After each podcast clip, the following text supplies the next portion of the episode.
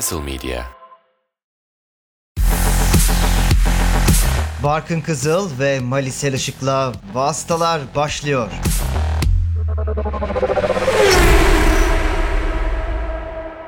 Castle Medya'da Vasıtaların yeni sezonunda bir başka bölüme daha hoş geldiniz. Ben Barkı Kızıl, Malis Elişik ve İzgecan Günal'la beraber bugün transfer dosyasını açacağız. Hoş geldiniz.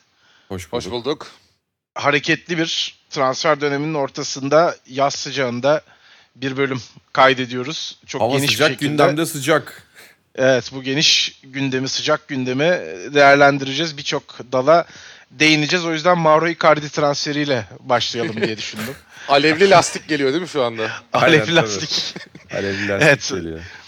Ee, nereden girelim? İsterseniz e, sevgili konuğumuz İzge Can Günal e, MotoGP gündemine çok sıcak olduğunu söylemişti. Oradan başlayabiliriz. Kaynayan kazandan gelen sıcaklıkla iyice baygınlık noktasına gelmiş İzge. Ne diyorsun İzge Can? Bu transfer dönemiyle ilgili. Abi hava gerçekten sıcak. MotoGP yaz arasında ama yaz arasında da gündem azalmadı diye böyle klişe bir şeyle girelim. Ya MotoGP'de iki tane şimdi mevzu var aslında transfer dönemi konusunda. Çünkü şöyle bir şey var. MotoGP kontratları genelde ikişer yıllık yapılıyor. Ya bu yüzden de genelde çift yılların transfer sezonları çok daha işte hareketli geçiyor. Çok daha büyük transferler oluyor gibi. İki tane büyük mevzu var bu sene MotoGP'de. İki tane de daha küçük, daha altta gibi gözüken ama eğer olursa çok daha büyük olacak haber var. O taraftan başlayayım istiyorsanız çünkü bir numaralı soru işareti zaten Mark Marquez ne yapacak aslında? Bir onu konuşmak lazım. Şimdi Mark Marquez'in Honda ile arasının kötü olduğunu biliyoruz. Ee, ve yaz arası öncesinde Honda cephesinden hani Marquez gitmek isterse onu tutmayız biz gibi bir açıklama geldi. Marquez'in yılda 25 milyon euro kazandığı bir kontratı var e, Honda takımıyla şu anda ama e, işte o büyük sakatlığından beri de e, ne kendisi performansından memnun değil ne de ne kendisi performansından memnun daha doğrusu ne de e, motosikletin performansı hiç iç açıcı değil. Yani kimse verim alamıyor Honda'dan. Ee, çok ihtimal dahilinde gözükmese de Mark Marquez'in Honda'dan ayrılıp seneye başka bir takımda olma ihtimali var. Baştan onu söyleyeyim çünkü eğer öyle bir şey olursa bütün transfer dengelerini zaten belki birazdan konuşacağımız her şeyi tamamen boşa düşürecek bir şey olacaktır. Ee, yapar mı yapmaz mı? 25 milyon eurodan vazgeçer mi veya işte e, başka bir takımda onun gidebileceği bir yer var mı? Onlar biraz soru işareti ama e, herhalde dediğim gibi en başta Mark Marquez'den başlamak gerekiyor. Ee, yani yıllardan beri Mali ile de çok uzun zamandır konuşuyoruz bunu. Hani Mark Marquez özellikle Rossi'den daha iyi olduğunu kanıtlamak istiyorsa başka bir markaya gidip orada da şampiyon olmalı. Şampiyon olmamış markayı şampiyon yapmalı gibi. Ki bunun içinde en e, tabii ki olası örnek KTM takımı gibi gözüküyor. Özellikle Red Bull'la organik bağlarından dolayı. Ama yapacak mı yapmayacak mı ve KTM tarafında bir öyle bir yer var mı şu anda Mark Marquez'i yarıştırabilecek? Sanki yok gibi gözüküyor. Peki transfer haberi ya da dedikodusu ortada dolaşıyor ama sence tekrar şampiyon olabilecek bir potansiyele sahip mi? Ben biraz kendi kendime bunu düşünüyorum. Fazla kaza yapıyor, fazla hata yapıyor eskisine göre. Tekrar o zirveyi bulabilecek potansiyele sahip mi? Ona ne dersin? Abi bilmiyorum bunu. Yani şu yüzden bilmiyorum. Şeye kadar e, işte sondan bir önceki yarışa kadar MotoGP'de Zahsa'nın yarışına kadar Almanya Grand Prix'sine kadar Marquez her zaman çıktığı her yarışı her motosikletle kazanabilir diyordum hala. E, fakat açık ara en sevdiği ve e, kariyerinde yani katıldığı ve kazanamadığı hiç yarış bulunmayan Zahsa'ning'de bile e, sprintte sıkıntı yaşadı düştü. Hafta sonu boyunca yavaştı ana yarışa katılamadı ondan sonra. Ee, Zahsening'den beri bilmiyorum. Bir şey gerekiyor. Bir reset gerekiyor ki Marquez'in zaten son 3 yılı çeşitli resetler atmaya çalışmakla geçti. Yani evini işte Cervera'dan Madrid'e taşımaktan tut. E, Kola doktor değiştirmeye attı. şuna buna. Sağ koluna e, reset attı. E tabi sağ kolunu komple çıkarıp yenisini takmaları gerekiyor galiba şu anda Evet. artık. Yani çıkma parça gerekiyor. Winter Soldier e, olarak e, kariyerine devam ediyor. İşte Alex Marquez de iyi yarışıyor. Yarışmasaydı belki ondan bir şey yaparlardı. Çıkma parça Evet, alırlardı bel- ama. bel- Belki olabilirdi evet. Ee, Mali sen ne diyorsun? Sen çünkü hep hani Marquez'in bir noktada KTM'e gideceğini ve e, yani Honda'dan şu anda kazandığı paranın da onun için çok önemli olmayabileceğini düşünüyorsun. Sen ne diyorsun Marquez konusunda? Yani Dorna'nın KTM'ye iki ekstra motosiklet grid'e sürme izni vermemesi benim bütün bu tahminlerimi taca çıkartıyor. Halbuki hep konuşuluyor ama yani sen de söyledin yayına girmeden önce motosiklet sayısını azaltma fikirleri varmış gerçekten bu daha yani fikirleri için dünyanın en iyi organizasyonlarından biri olan Dorna'yı tebrik ediyorum. E, müthiş bir şirket olarak çalışmaya devam ediyorlar. E, yani motosiklet sayısını arttırıyor olsalar gerçekten KTM'nin çok ciddi sorunlarını da çözecekler. Parası neyse KTM bunu verip e, motosiklet sayısını arttırabiliyor olsaydı e, çoğu dertlerini çözeceklerdi. Acosta'yı hiç kimse yerinden oynatmadan, Augusto Fernandez'e haksızlık etmeden veya işte Paul Espargaro'nun kendi kendine emekli olmasını gergin bir şekilde beklemeden e, onu MotoGP'ye çıkartıp yanına da Mark Marquez'i verebilirlerdi. Bir Husqvarna KTM takımı yani KTM'nin Husqvarna etiketli bir takımı gerçekten MotoGP'nin şu anda en çok ihtiyacı olan şeylerden bir tanesi olabilir Suzuki'yi kaybettikten sonra. Şimdi diğer taraftan evet tabii ki Yamaha da e, ekstra iki motosiklet ister mi ya da işte bunun farklı şeyleri ne olur bilmiyorum ama e, işte KTM zaten Ducati'den sonra en hızlı ikinci motosiklet onlardan 6 tane olması bu sefer iyice e, Japonları kaçırır mı gibi hesapları mutlaka yapıyorlardır. Ama bence kısa vadede düşünüldüğünde hiçbir zararı olmaz. Aslında faydası da olabilirdi. Mark Marquez'in o hareketi. Japonlar da çekilecekse çekilsinler ne yapalım zaten şu anda çok çekilmemiş gibi durmuyorlar. Ya evet bir de 8 tane Ducati var abi gridde şu anda ve yani sadece Ducati'ler kendi arasında yarışıyor yani. 8 Ducati'nin 7'si Fabio Di Antonio hariç galibiyeti oynuyor her yarış. o yüzden hani eğer bunu düşünüyorsa Dorna sanki geçen sene düşünseydi daha iyi olabilirdi gibi. Evet yani bu duruma gelmeden önce düşünebilirdi. Tabii ilk plan şeydi zaten bu arada. 24 motosiklet, 6 fabrika, 6 da uydu takımı gibiydi. Evet. Ama ondan sonra bir baktık işte VR46 Yamaha çok bekleniyordu Rossi ile Tabii ki Yamaha'nın organik bağından dolayı. VR46 Ducati oldu. E Grezini Aprilia'dan ayrıldı Ducati'ye geçti. 8 Ducati oldu bir anda ve harikalar yaratıyorlar 2 senedir. Onu biraz daha önceden düşünmeleri gerekiyordu gibi sanki. Husqvarna tarafına döneceğim.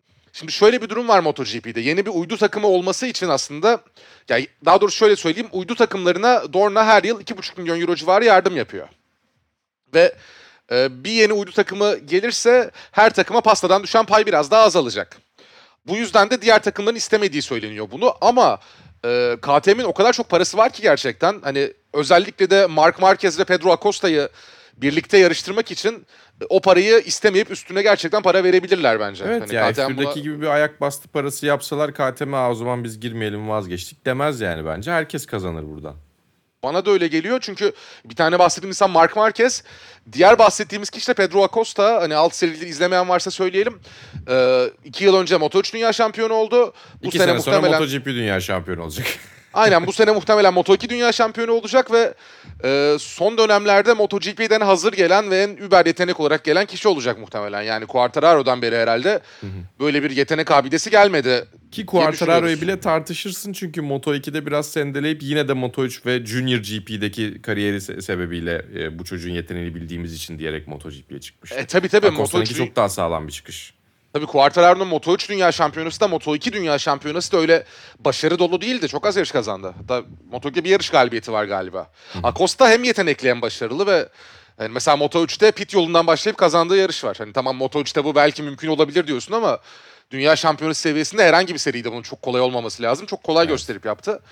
Ee, Acosta da ben seneye bir daha Moto2'de kalmam diyor. Bir yandan tabii ki ama mesela Jorge Lorenzo gibi de Moto2'de üst üste iki, daha doğrusu ara sınıfta iki kere üst üste şampiyon olup e, sonra MotoGP'yi domine eden isimler de var.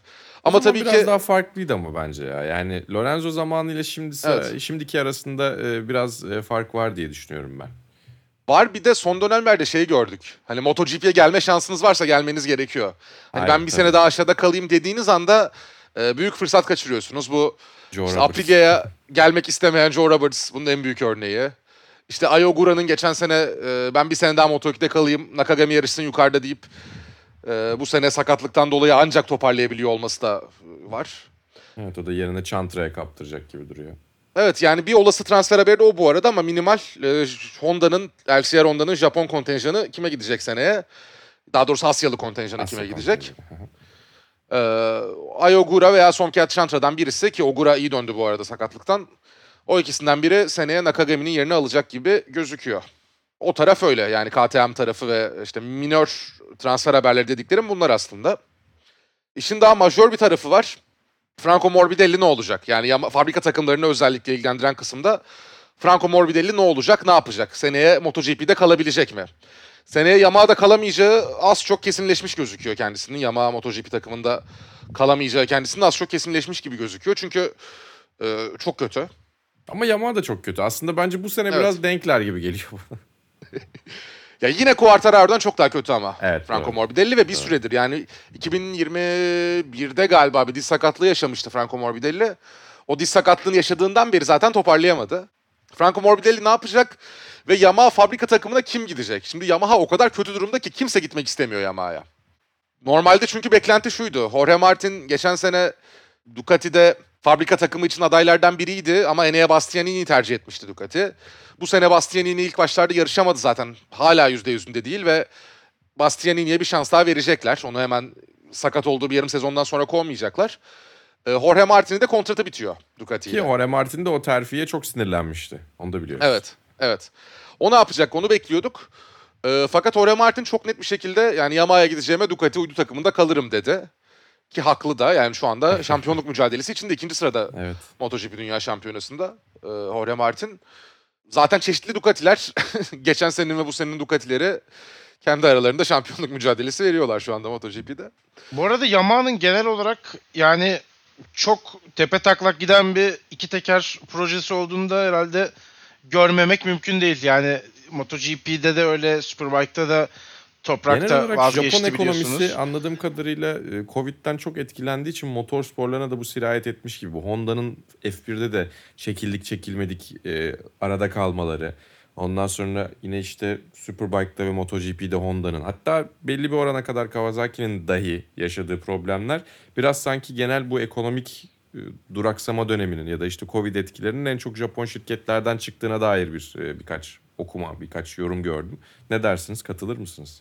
Evet ya Suzuki de çok Tabii beklenmedik. Suzuki'yi unuttum pardon evet. Asıl Hatta Suzuki. beklenmedikten öte yani olmaması gereken bir çıkış yaptı. Şampiyon olup da çıkmak e, böyle mikrofonu yukarıdan bırakmak gibi oluyor biraz. E, herhalde dediğin gibi bununla alakası olabilir. İzge sen ne dersin? Abi çok üstüne bir şey okuduğum veya bildiğim bir konu değil. Çok o yüzden yorum yapmayayım ama e, mantıklı gibi gözüküyor. Çünkü genel bir hepsinde bir çöküş olduğunu görüyoruz. Yani hemen hemen her seride böyle bir çöküş olduğunu görüyoruz. Çünkü bir de doğru kelimeyi bulamadım da İngilizcesi geliyor aklıma. Supply chain. E, ya genel üretim Tedarik zinciri. tedarik zinciri yaşa. Bu motosiklette şey değil mi o motorla e, arka lastiği birbirine bağlayan o tedarik zinciri atıyor bazen bazı yarışlarda. Parça gelmiyor falan işte o tedarik zinciri attı deniyor. Yarış dışı kalıyor tedarik zinciri koptuğu için bazen biri. Evet. Yani tedarik zinciri sıkıntıları devam ediyor hala e, diyebiliyorum. O yüzden olabilir. Japonya'yı da etkilemiş olabilir. Çok da bir şey Abi onun katamadım. yani, biraz parçası boş yok konuşuyorum. Japonca bir şekilde çok mu e, söyleniyor yani?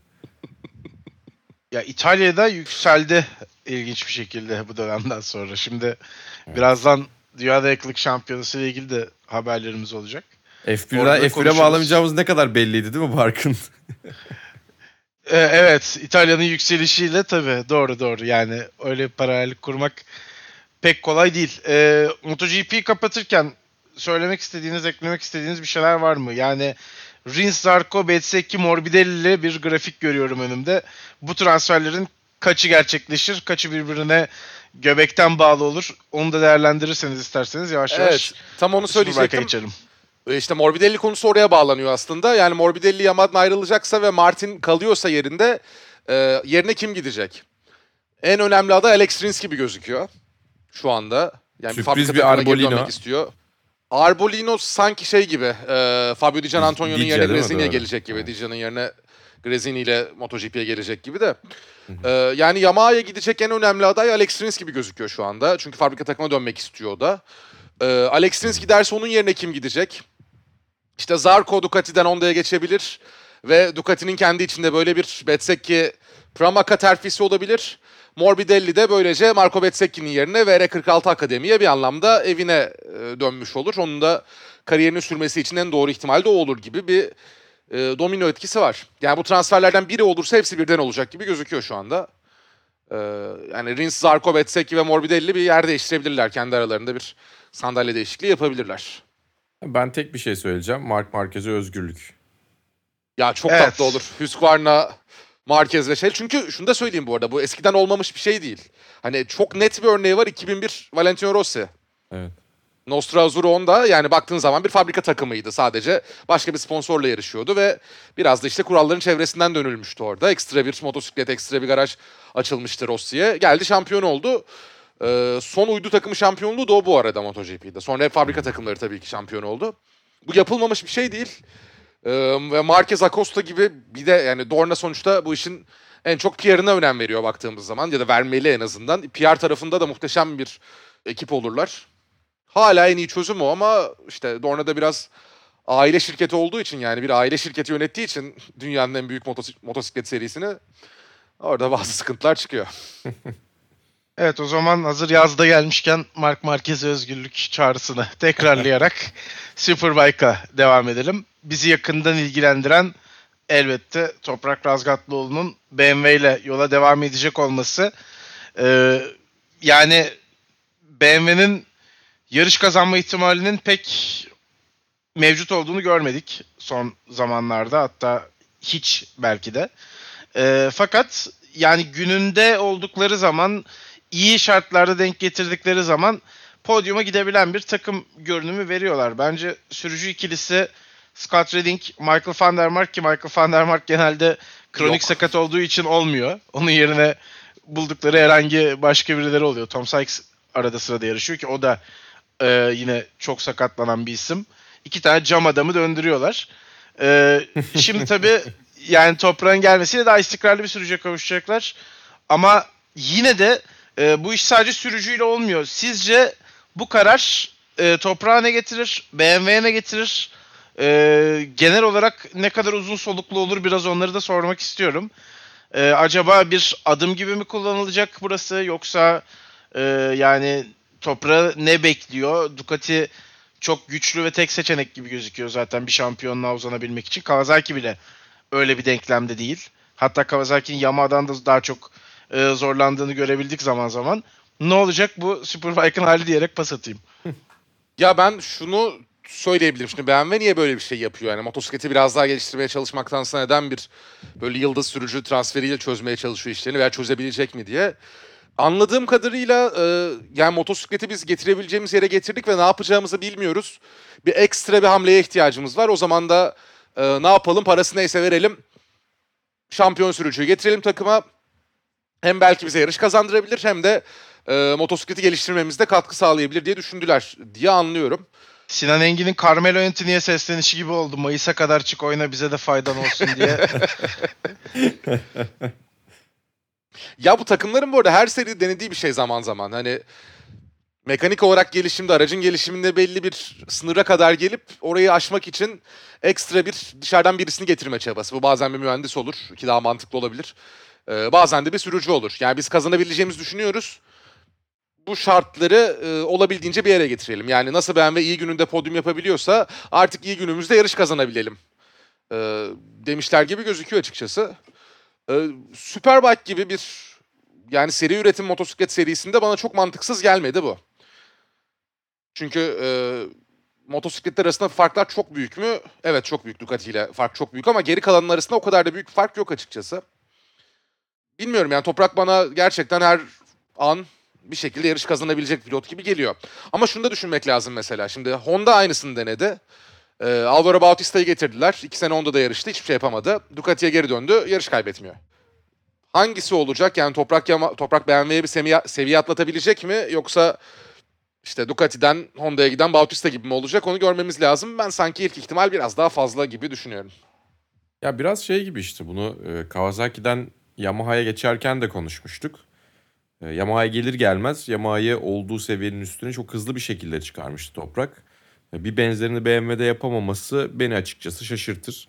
Yani en azından herhalde şöyle bir e, kafasında tartmıştır diye düşünüyorum. İşte yine Kenan Sofuoğlu'yla ekibiyle e, oturup düşündüklerinde Yamaha'da şu anki olduğum durumu BMW'de ne kadar sürede yakalarız dediklerinde en fazla 2-3 yarış hafta sonu diye düşünmüşlerdir. Oradan sonra artıya geçiyorsun zaten. Yani e, o performansı veya işte o potansiyeli BMW ile de hızlı bir şekilde yakalayabileceğini düşünüyorum Toprağın. Çünkü zaten Barkın da bahsetti.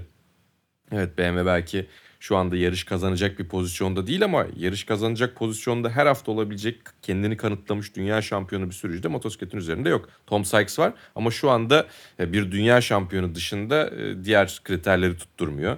O da işte Evet. bir yerlerini kırıyor, geri geliyor falan dediği gibi. Evet evet. markanın. Tom Sykes'ın hani bitik hali var gerçekten. Evet, yani Hani bir- dünya şampiyonu kısmını tutturuyor sadece Tom Sykes. Onu da saymıyorum şimdilik. Kendisine sorsanız o da saymaz. Kocaman da bir kahkaha patlatır ardından diye düşünüyorum. Ee, o yüzden yani Ya- Yamaha'dan toprağın BMW'ye geçmesi toprak için motosiklet anlamında ya da performansı anlamında çok büyük bir risk değil bence. Ee, onun dışında e, ciddi anlamda e, kaynak üretebilecek bir marka BMW. Ciddi anlamda paraları var ve bunu dökmek istiyorlarsa bunu birinin yönlendirmesi, bir şampiyon pilotun yönlendirmesiyle yapmak istiyor olabilirler yine e, senin de söylediğin gibi.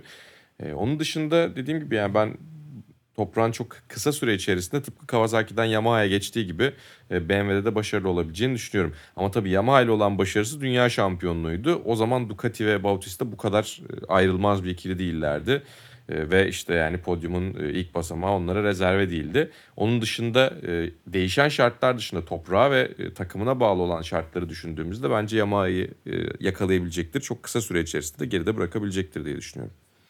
Ben de bir şeyler ekleyeyim. Ee, dayanıklılık dünya şampiyonası yani EWC'de biliyorsunuz BMW orada da boy gösteriyor. Hedef çok yukarıda yani kazanmaya çalışıyorlar. Bence BMW'nin iki tekerle ilgili ciddi bir yatırımı var. Yani bu proje konuşulurken herhalde bir şeylerden bahsedilmiş bazı sözler verilmiş olabilir e, toprak cephesine ya da Kenan Sofuoğlu cephesine diyelim. E, herhalde hedefi yüksek tutuyorlar. Yani Honda'nın Superbike'a ilk geldiğinde tekrar döndüğündeki e, vizyonunu hatırlarsak hani yeni Fireblade motosikletini yapacağız, geliştireceğiz. Ondan sonra zirveye oynayacağız gibi bir hedefleri vardı. E, zaten bence Redding'i de öyle e, bünyelerine kattılar. Bautista'yı da yine Malin'in dediği gibi aynı şekilde. Aynen Herhalde öyle. benzeri bir proje gidiyor ama yani tek sıkıntı şu Ducati'nin acayip bir dominasyon kurmuş olması. MotoGP'de de zaten İzge'de söyledi. Nasıl bir dominantlık gösterdiklerini, kendi aralarında yarıştıklarını. Ya esas sıkıntı rakibin büyüklüğü gibi gözüküyor.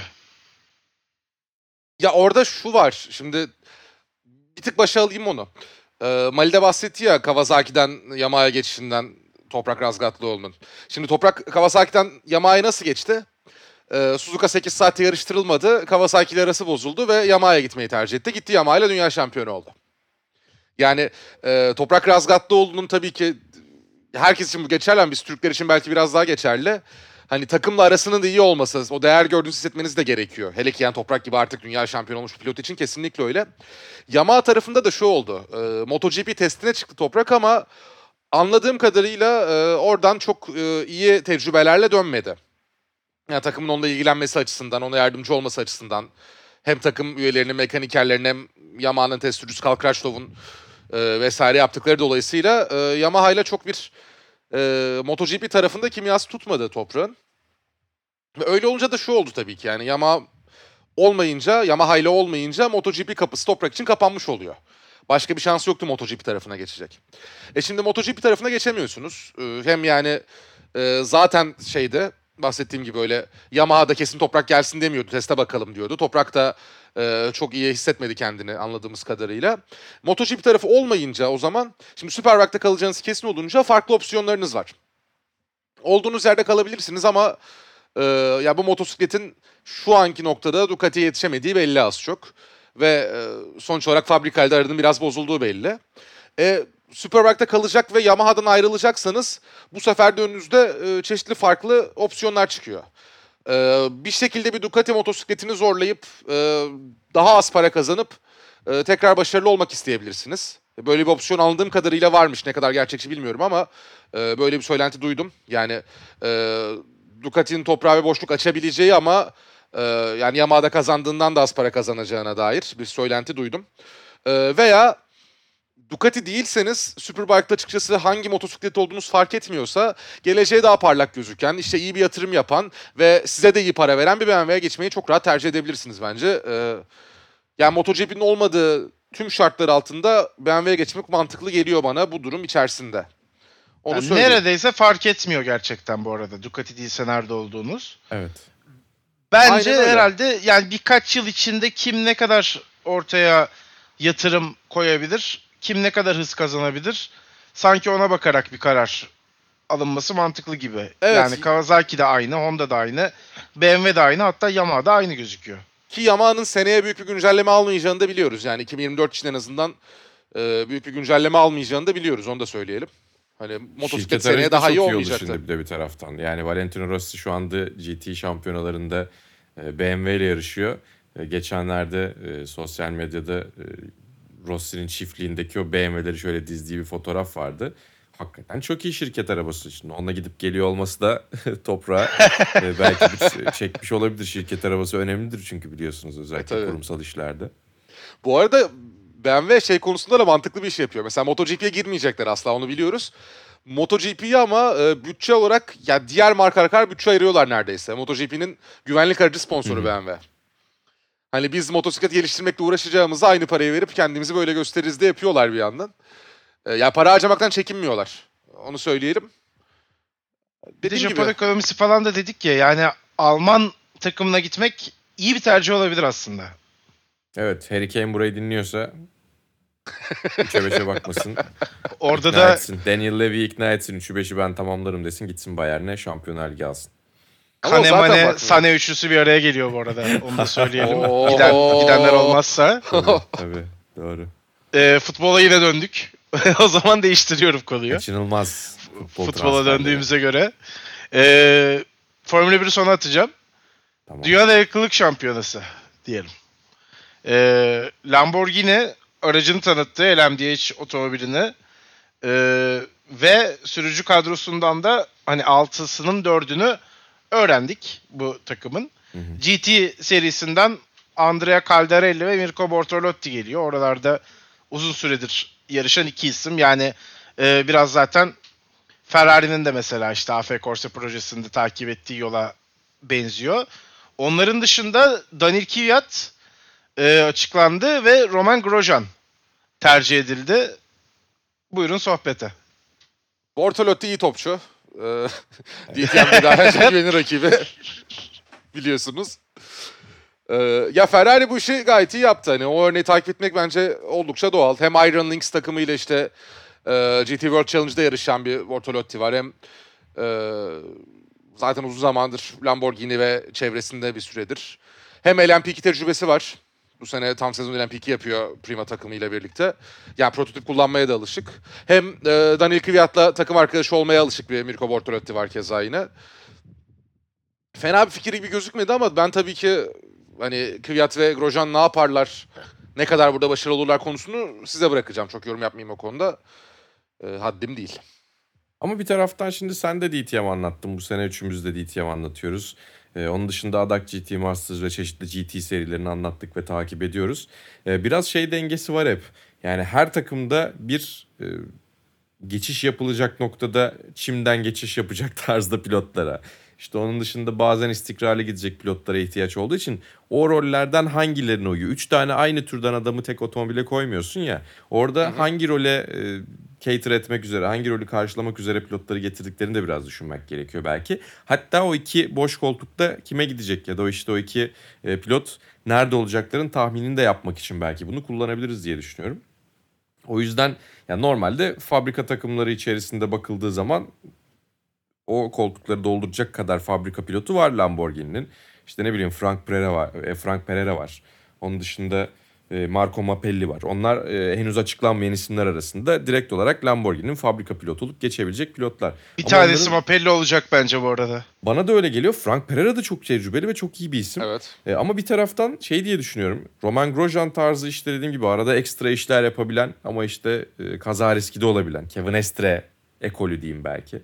E, o tarz bir pilot gibi bir şey düşünüyorlarsa. e, belki Albert Costa'yı falan da düşünüyor olabilirler. Çünkü geçtiğimiz yıllarda Albert Costa ile çalıştılar. E, Emil Frey Racing üzerinden. E, şu anda Emil Frey Racing e, DTM'de e, Ferrari kullanıyor ama e, belki öyle bir pilotun peşinde oldukları için de şu anda açıklamamış olabilirler diye düşünüyorum. Açıkçası merak ettiğim şeylerden bir tanesi o. Ee, Ee, Jordan Pepper olabilir. diye. Madem imsa kadrosunda Iron Links'e Bandırma olabilir. buraya. Hı hı. Bandırma olabilir bak. Şakayı anlamadım. Ee, özür dilerim ben olabilirle geçen her şeyde bu şakayı yapıyorum. Doğru. Hemen sana Mustafa Sarıgül bandırma olabilir videosu öneriyorum. Evet, Olabilir. 81. Ee, pilot, sonra- 82. pilot kim olur e, şakası. öyle 82. pilot evet. Bir dos veriyorum sana yazıyorum burada. Tamam. Tamam. Evet tabii yani e, Amerikan Le Mans serisinden de alabilirler dediğin gibi IMSA'dan daha doğrusu yeni adıyla. Niye olmaz? Ya IMSA'da zaten Iron Lynx takımının GT Pro ekibini bir komple getirdikleri için bu tarafa. Yani Hı hı. Grosjean Caldarelli yarışıyorlar.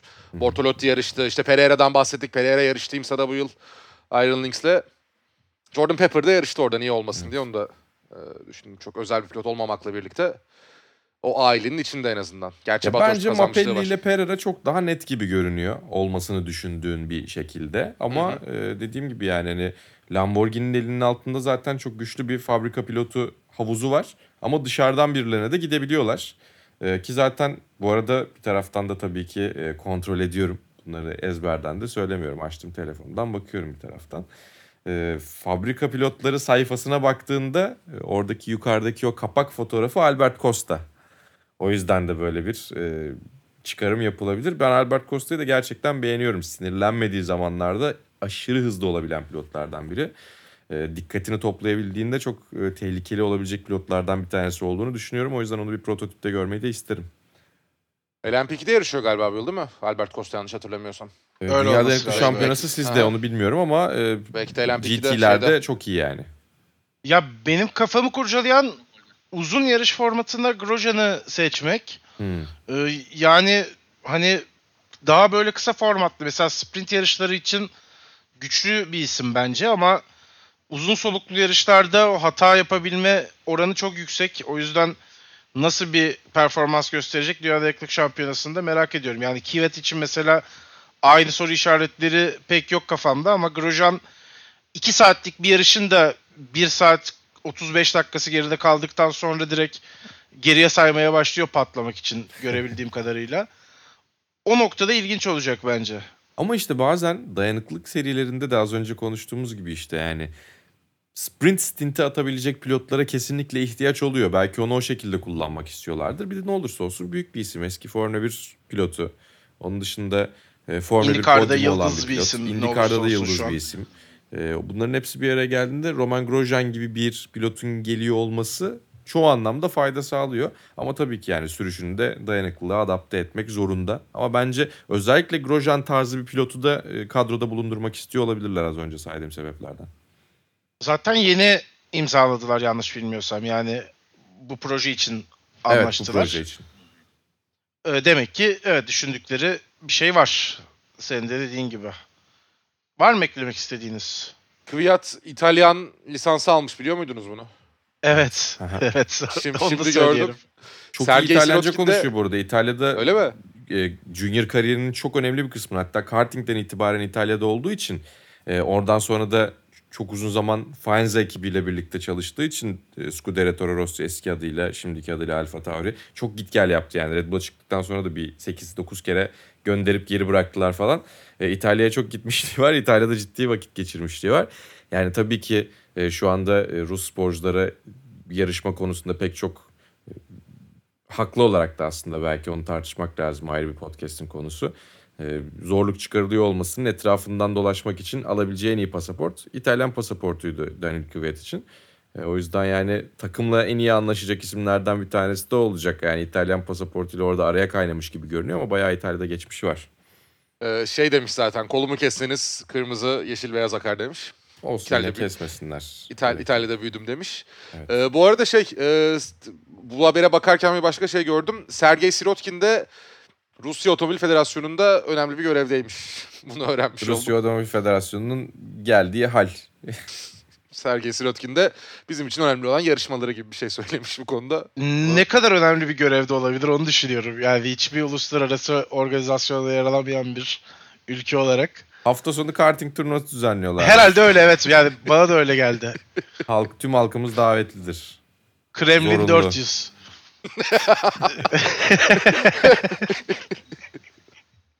o zaman Formula 1 ile bitirelim. Alfa Tauri cephesinden bir haberle girelim direkt. E, çünkü çok keskin bir şekilde Nick de Vries'in e, takımdaki görevine son verildi ve aslında bir süredir de e, Perez'in biraz iniş çıkışlı performanslarıyla beraber iyice dillenmeye başlayan Di Ricardo'nun e, geri dönüşü, grid'e geri dönüşü gerçekleşmiş oldu. E, tabii Red Bull'un aslında dediğim gibi Perez'le ilgili de soru işaretleri olunca bu dört pilotun ikisinden çok emin olmayan bir durumda olunca takım e, çok konuşuluyordu. Ricardo'ya da tekrar merhaba diyoruz. Evet ya bir de Nick De Vries hemen ertesi gün Monaco'da Toto Wolff ile bir kafede konuşurken görüntülenmiş. Ya sadece fotoğraf ama ben oradan dudak okuması yapabiliyorum. Şey diyor. Benim kalemimi kırdılar biliyor musun diyor Toto Vries. ya 10 yarış şimdi eskiden yaz arasına kadar belli bir e, vakit veriliyordu ama artık yaz arası bitmek bilmiyor. Yaz arasına neredeyse eski zamanların sezonları kadar bir süreyle gidiliyor. Bir de işte Red Bull içerisinden yetişmemiş olmasının getirdiği bir daha az veriler süre vardı. İşte 28 yaşında olmasından dolayı kendisine daha az süre veriliyordu. Normal pilotlara 2 ya da 3 sene genellikle veriliyor. Tabii ki işte Jean-Eric Verne, Jaime Alguersuari buna itiraz edeceklerdir ama kendilerine öncelikle vasıtaları dinledikleri için teşekkür ediyoruz. Sonra da katılmadığımızı söylüyoruz. O yüzden Daha taksidi bitmedi Nick de Vries'in yani o zaman başka birisini düşünebilirlerdi. evet. tabii. Neden o zaman baştan bu yola girdiler onu da anlamadım çok.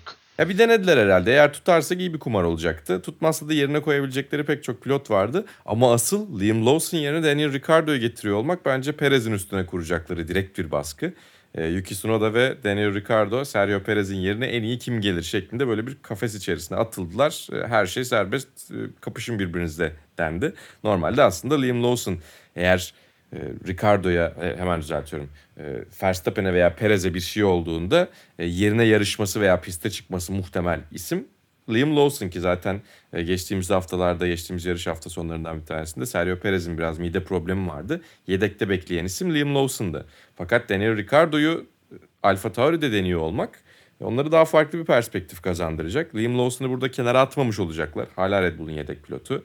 Veya işte Ricardo çok iyi olursa Perez'in yerine onu atıp Lawson'ı oraya. Yani ellerinde yapabilecekleri şeylerin hamlelerin çok fazla geniş bir skalada net bir tabloda görebilecekleri bir durum ortaya çıkacak.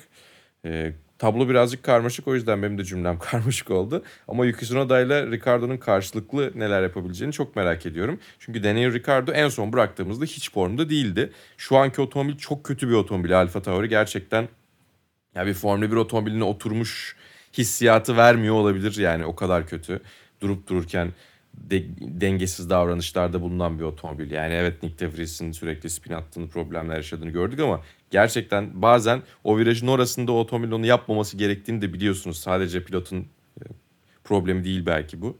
E, Bir taraftan herhalde Nick De bu kadar hızlı gönderilmesinin sebebi e, Helmut Marko'nun mahcup olması diye düşünüyorum. Christian Horner ya bunu getirmeyelim demiş mi? Helmut Marko ısrar etmiş. O yüzden de o mahcubiyeti hızlı bir şekilde ortadan kaldırmak için yaz arasını bile beklemeden, kendi seyircisi önündeki yarışı beklemeden, Sandford'u beklemeden Nick De Vries'i gönderdiler.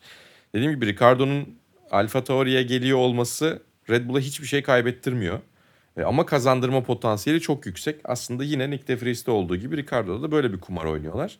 E, tutturma ihtimalleri nasıl olur bilmiyorum açıkçası. Orada da fikrinizi merak ediyorum. Ricardo bıraktığı yerden devam ederse çok iyi olmayacak. E, bıraktığı yerden biraz daha önceki yerden devam edebilecek motivasyonu ve otomobili de bulabilir mi emin değilim. Çünkü Yuki Tsunoda o korkunç otomobille çok iyi işler yapıyor. Puan falan alıyor. Puan barajının hemen dışında kaldığı çok fazla yarış var. O yüzden ilginç olacak yani. Ya ben tabii ki hani bir Formula 1 uzmanı olduğumu iddia etmiyorum. Yani çok da yakından takip edemiyorum zaten çoğunlukla program yoğunluğundan dolayı ama benim Ricardo hakkında genel aklımda kalan bilgi ya daha doğrusu imaj şu açıkçası. Hani otomobili kadar yarışabiliyor bence Ricardo. Çok üstüne bir şey koyabiliyor mu emin değilim. O yüzden e, kötü bir otomobille Daniel Ricardo iyi sonuç alabilir mi? Alabilir. Daha Çok- önce yapmışlığı var aslında ama. Ha, mesela işte ya uzmanı değilim dedim bu konunun yani uzmanları söylesin. Ama şey düşük riskli bir kumar yine. Çünkü sonuçta Nick de Vries de belki öyleydi biraz. Hani Ricardo'yu yarım sene sonra kovduğun zaman hiçbir şey olmayacak açıkçası. Hani Nick de Vries'i de hani tam ilk sezonunda kovuldu ama hani 28 yaşında olduğu için o da çok bir şey olmadı. Yani Red Bull'un istediği kadar e, oyun oynayabileceği bir nokta vardı. E, Onu da kullandı diyeyim ama Barkıncığım sen anlat. E, kötü Yo, bence- nasıl sonuç alabiliyordu Nick de, şey. Bence e, doğru bir- Ricardo. yorum yaptı. Yani Ricardo'yu gerçekten hani e, bu gridde tutan tek teklifi Red Bull test sürücüsü olarak kalması yönünde verdi. Yoksa Ricardo'nun zaten Formula 1 ile ilgili herhangi bir bağı kalmayacaktı en azından kısa bir süre ya kısa vade için. O yüzden şeye çok katıldım yani bir farklı yola gitme seçeneği ortaya çıkarsa Ricardo'ya tekrar e, işte hani eski görevine geri dönmesi teklif edilebilir ya da Ricardo kolaylıkla bir yerden başka bir yere oynatılabilir. Ya da baktılar Ricardo çok iyi durumda e, ve hiç o eski son bıraktığı halinden eser kalmamış. Belki de Verstappen'e bir takım arkadaşı bile olabilir bence. Bilmiyorum Mali ne düşünür bununla ilgili ama Ben bir Ee, yani- duyum aldım. Ee, kapalı kutu gibi gözüküyor. İşte kapalı kutuları da açabilecek duyumlar tabii biz de e, alıyoruz. E, o yüzden e, Netflix'in burada düğmeye basıp devreye girdiği ve Ricardo'nun olmadığı sezonlarda e, bir şekilde e, dekoder satamama endişesi üzerinden Netflix'in Formula 1 ile devreye girdiği ve bu işi halledin şeklinde bir mesaj gönderdiğine dair de çeşitli duyumlar aldım. Bir de böyle bu açıdan da bakmak lazım. O da ilginç. evet. Anlıyoruz. Evet. Yani Önemli. evet aslında Ricardo bitmiş. Formula 1 sosyal medyasında bile Ricardo hani yarışan aktif 20 pilot içinde olmamasına rağmen en çok yer bulan isimlerden de bir tanesi bu arada. Onu da söylemek lazım. Yani belli bir reytingi olduğu kesin. e, belli bir ilgi çektiği kesin. Ama ne olacak? Şu anda kestirmek zor. Onun dışında Albon, Ferrari, Evet, e, Charles. Red Bull e, bu tarz iddialar var. Ya kardeşim E, bu da şey mi NBA 2K mı? Yani F1 Manager'da bile bu kadar saçma transferler şeyler çok fazla olmuyordu yani. Hani iyi modlar kullanıyorsanız şeyde daha doğrusu Motorsport Manager'da. F1 Manager'da da belli güncellemelerden sonra bu kadar şey olmadı. NBA 2K'da en son gördüğümüz değişiklikler onlar. Bir kısmı da Joe Saward kaynaklı. Yani o Green Notebook'u e, bir yerlerden yayınlıyor hep. Bakın buradayım falan diye. Çok uzun zamandır paddock'ta olmasının dışında pek bir vasfı olduğunu düşünmüyorum kendisinin. buradayım. Evet yani diyor. gerçekten çok güzel bir e, vasıfsızlık örneğiyle katkıda bulunduğun için teşekkür ederim sevgili Farkın'cığım. Rica Yani ederim. çok alakasız şeyleri bunlarda konuşuluyor galiba. Ya birisi mutlaka konuşuyordur da sen onların içerisinden onu ayıklayamıyorsan, sen bir e, elek görevi yapamıyorsan ben niye oturup seni e, izliyorum veya işte dinliyorum. Oradaki çıkan şeylerin çoğu da Joe Sword kaynaklı. Böyle bir şeyler olabilir falan şeklinde. E, biz de bizim kaynaklar da alıyorlar işte kullanıyorlar onları falan ama yani evet şundan zaten daha önce çeşitli yerlerde bahsettik. Carlos Sainz Ferrari'den muhtemelen gitmek istiyor. E, Ferrari bir yere varmıyor. Ferrari bir yere varsa da oraya Ferrari götürecek pilot Carlos Sainz değil Ferrari tarafından bakıldığında. E, bir şekilde ikinci planda olduğu çok net bir şekilde görünüyor. O yüzden e, Sauber üzerinden Audi projesinin içerisinde işte Carlos Sainz, baba Carlos Sainz bağlantısıyla da böyle bir yerde olması mantıksız olmayabilir. Kariyerin son düzüne girerken güzel de bir maaşla, güzel para kazanarak potansiyelli bir projeyle risk almak isteyebilir. E, ama onun dışında Lando Norris'i Ferrari'ye yazıyorlar işte Albon onun oraya o oraya gidiyor bu buradan bir şey olmuş işte Günther Steiner arayıp Lewis Hamilton'ın bonservis bedelini sadece sordurmuş falan gibi bir sürü saçma şey görüyorum. Ya hepsiyle ilgili bir şeyler yazılıyorsa bir tanesini bir noktada tutturursunuz. Arkasında bir sebep olmasa en azından şu şu sebeplerden dolayı böyle olduğu düşünülüyor gibi bir olay örgüsü ya da en azından bir e, mantık çerçevesi yapılması gerektiğini düşünüyorum. O yüzden her gördüğünüz duymada prim vermeyin diyelim. İnternette yazan her şey doğru değil midir Mali? İnternette yazan her şey doğru değildir cümlesi hariç hiçbir şey doğru değildir. Yalnız bir şey söyleyeceğim. Carlos Sainz kariyerinin son düzlüğüne mi geliyor? Gerçekten Geliyor. yaşlanmışız be. Yaşlanmışız be. Geliyor. Vallahi. Yapacak bir şey yok. Allah. Evet. Ama baba. Carlos Sainz kariyerinin son düzlüğüne gelmiyor. O da çok ilginç bence. Yani Formula 1'de Carlos Sainz maksimum 5-6 sene daha yarışır diye düşünüyorum. Belli olmaz tabii ki ama yani genel gidişat ve genel ortalama bakıldığında ortalamaya bakıldığında daha doğrusu herhalde işte 5-6 sene daha devam eder maksimum. E orada da bir yerden sonra o hamleyi yapmak gerekiyor işte Barrichello'nun zamanında Honda'ya geçişi gibi. Tabii ki Barrichello kadar ağır bir ikinci pilotluk yok ortada ama ya o tercihleri yapıyorsunuz. İşte biraz güzel bir para olsun, biraz bana başarı potansiyeli olsun, bir proje bir şeyler getirir diyerek e, o farkları da e, o ayrımı da yapmak gerekiyor daha doğrusu.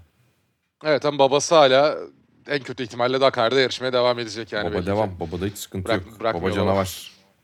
Evet. e, o zaman biz de böylece transfer özel bölümümüzü kapatıyoruz.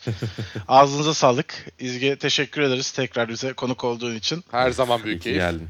Evet yani bu şu an bu sezonki konseptimizde seni bence daha da sık ağırlayabiliriz bile zaman Evet. buldukça. Ne zaman isterseniz Ee, paşamlar. Sözümü de böyle yayın içinde almış olalım ki sonra kaçma şansı olmasın diyerek. NASCAR konuşmaya da Kapatıyorum. bekleriz İzge Paşam. Hamburger, hot dog, enjoy Illinois, Korilajoj. Bu Chatbot güzel dileklerimle kapatıyorum. bir sonraki bölümde tekrar görüşmek üzere. Hoşçakalın. Hoşçakalın. Hoşçakalın.